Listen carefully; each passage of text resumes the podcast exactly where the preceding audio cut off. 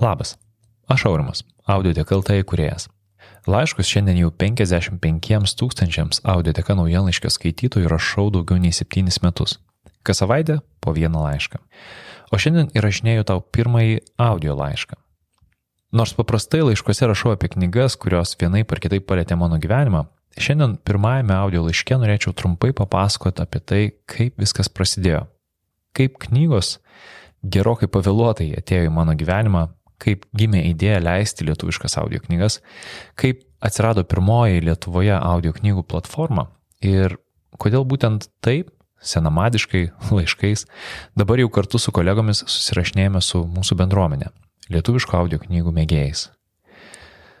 Trumpai nusikelkim į 1999 vasarą. Man 15 metų. Tik ką baigiau pirmąją gimnazijos klasę Ir prieš pat ją baigiant, mano gyvenime nutinka siaubingas dalykas. Iki šio tragiško įvykio per pirmosius 15 savo gyvenimo metų aš buvau perskaitęs vos tris knygas. Vilkšinį Kezaną, kurį pradinės mokyklos baigimo proga man padovanojo, kaip šiandien atsimenu, pati gražiausia pradinių klasių mokytoja. Heklberio Fino nuotikius, nebepamenu iš kur juos gavau, ir Žulio Verno 15 metų kapitoną. Tačiau tą vasarą, taip, tą, kai man buvo 15, į mano rankas pakliuvo viena geriausių kada nors parašytų knygų, kurios tobulai garsinimą beje dabar jau galite rasti ir audiotekoje. Ši knyga apvertė visą mano gyvenimą aukštinkojam. Taigi, kas tokio baisaus nutiko devintoje klasėje? Ogi tai, kad po pusantrų metų draugystės mane paliko mergina. Ir dar taip keistai, taip dramatiškai, tiesiog vieną dieną, nei iš šio, nei iš to, ji nustojo su manim bendrauti. Nepaaiškino nei kas, nei kodėl, bet buvo akivaizdu, tarp mūsų viskas baigta. Kalbu dabar truputį taip juokais, bet iš tikrųjų tą išsiskyrimą išgyvenau tikrai skausmingai. Ir iki šiol pakrapšius tą žaizdą truputėlį kraujuoja. Ir tuo metu nenorėjau su niekuo kalbėti. Užsidariau savo kambarį, čiupau pačią storiausią knygą nuo knygų lentynos ir pradėjau skaityti. Ir pradėjęs skaityti, nebegalėjau sustoti. Beje, praėjusį rudenį Po 20 metų pertraukos šią knygą klausiau važinėdamasis mašina. Išsirašiau solo kelionį Lietuvos panemune, link Pamorio, Pamorių, iki pat Ventės rago. Knyga vietomis mane taip palėtė, kad nebegalėdavau vairuoti. Ašros tiesiog užliedavo kelią. Tokio gerumo jos įgarsinimas. Bet jau truputį nuklydau. Mm, Ta vasara aš rimtai nikau į knygas. Sakyčiau, net tada aš iš tiesų pirmą kartą atradau knygas patyriau ne tik gydantį biblioterapinį knygų efektą, bet ir tai, kaip knygų dėka galiu keliauti po pasaulį. Išorinį ar vidinį, pamatyti gyvenimą kitų akimis. Žmonių, kurie turėjo kitus tėvus, kitus brolius, sesės ar jų visai neturėjo, kurie gyveno visiškam skurde ar kaip tik visiškame pertekliuje, o kai kurie kaip Siddhartha Gautama ir taip ir taip šiuo gyvenimo periodu aš pradėjau atradinėti savo mėgstamiausias knygas, mėgstamiausius rašytojus ir nuo to laiko su knygomis daugiau nebesiskyriau. Kol vieną dieną, po dešimties metų, viskas dar kartą apsivertė aukštinkojam. Ir kaip paaiškės vėliau, šis įvykis galiausiai ir nulems lietuviškos audiotekos pradžią, tačiau tuo metu tai atrodė kaip žmogaus galimybių išbandymas. Taigi, 2009-aisiais man gimė sunus. Kam teko auginti neramų, temperamentingą mažylį, greičiausiai žinot, ką tai reiškia.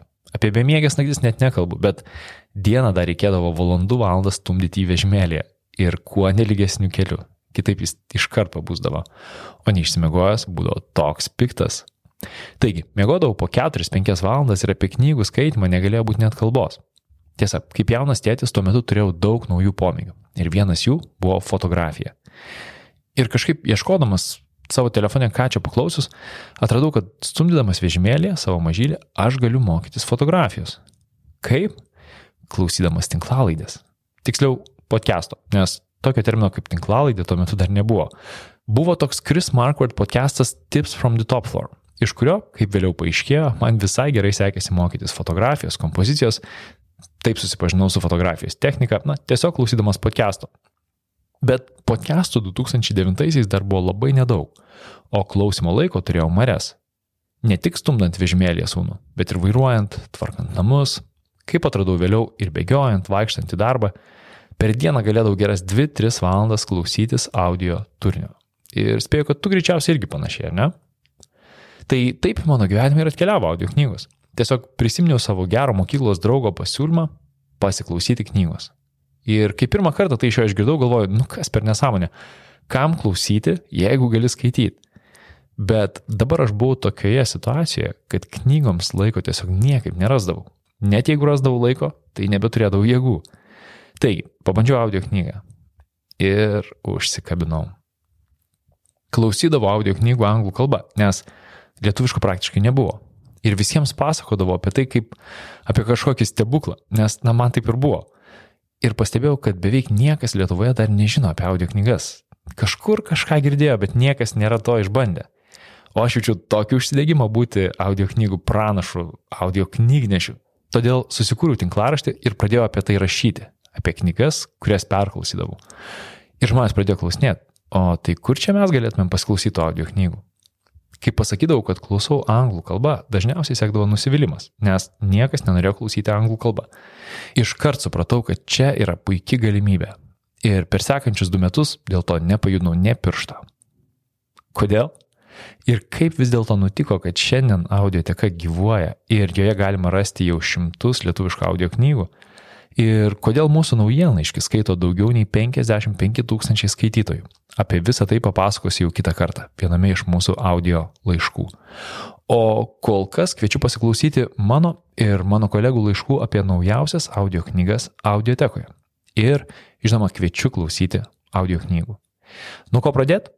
Siūlyčiau pradėti nuo tos knygos, kurią perskaičiau tada, būdamas 15 ir kurios klausiau vos prieš pusę metų važinėdamas mašina pamariu ir grožėdamasis nepaprastą Lietuvos gamtą.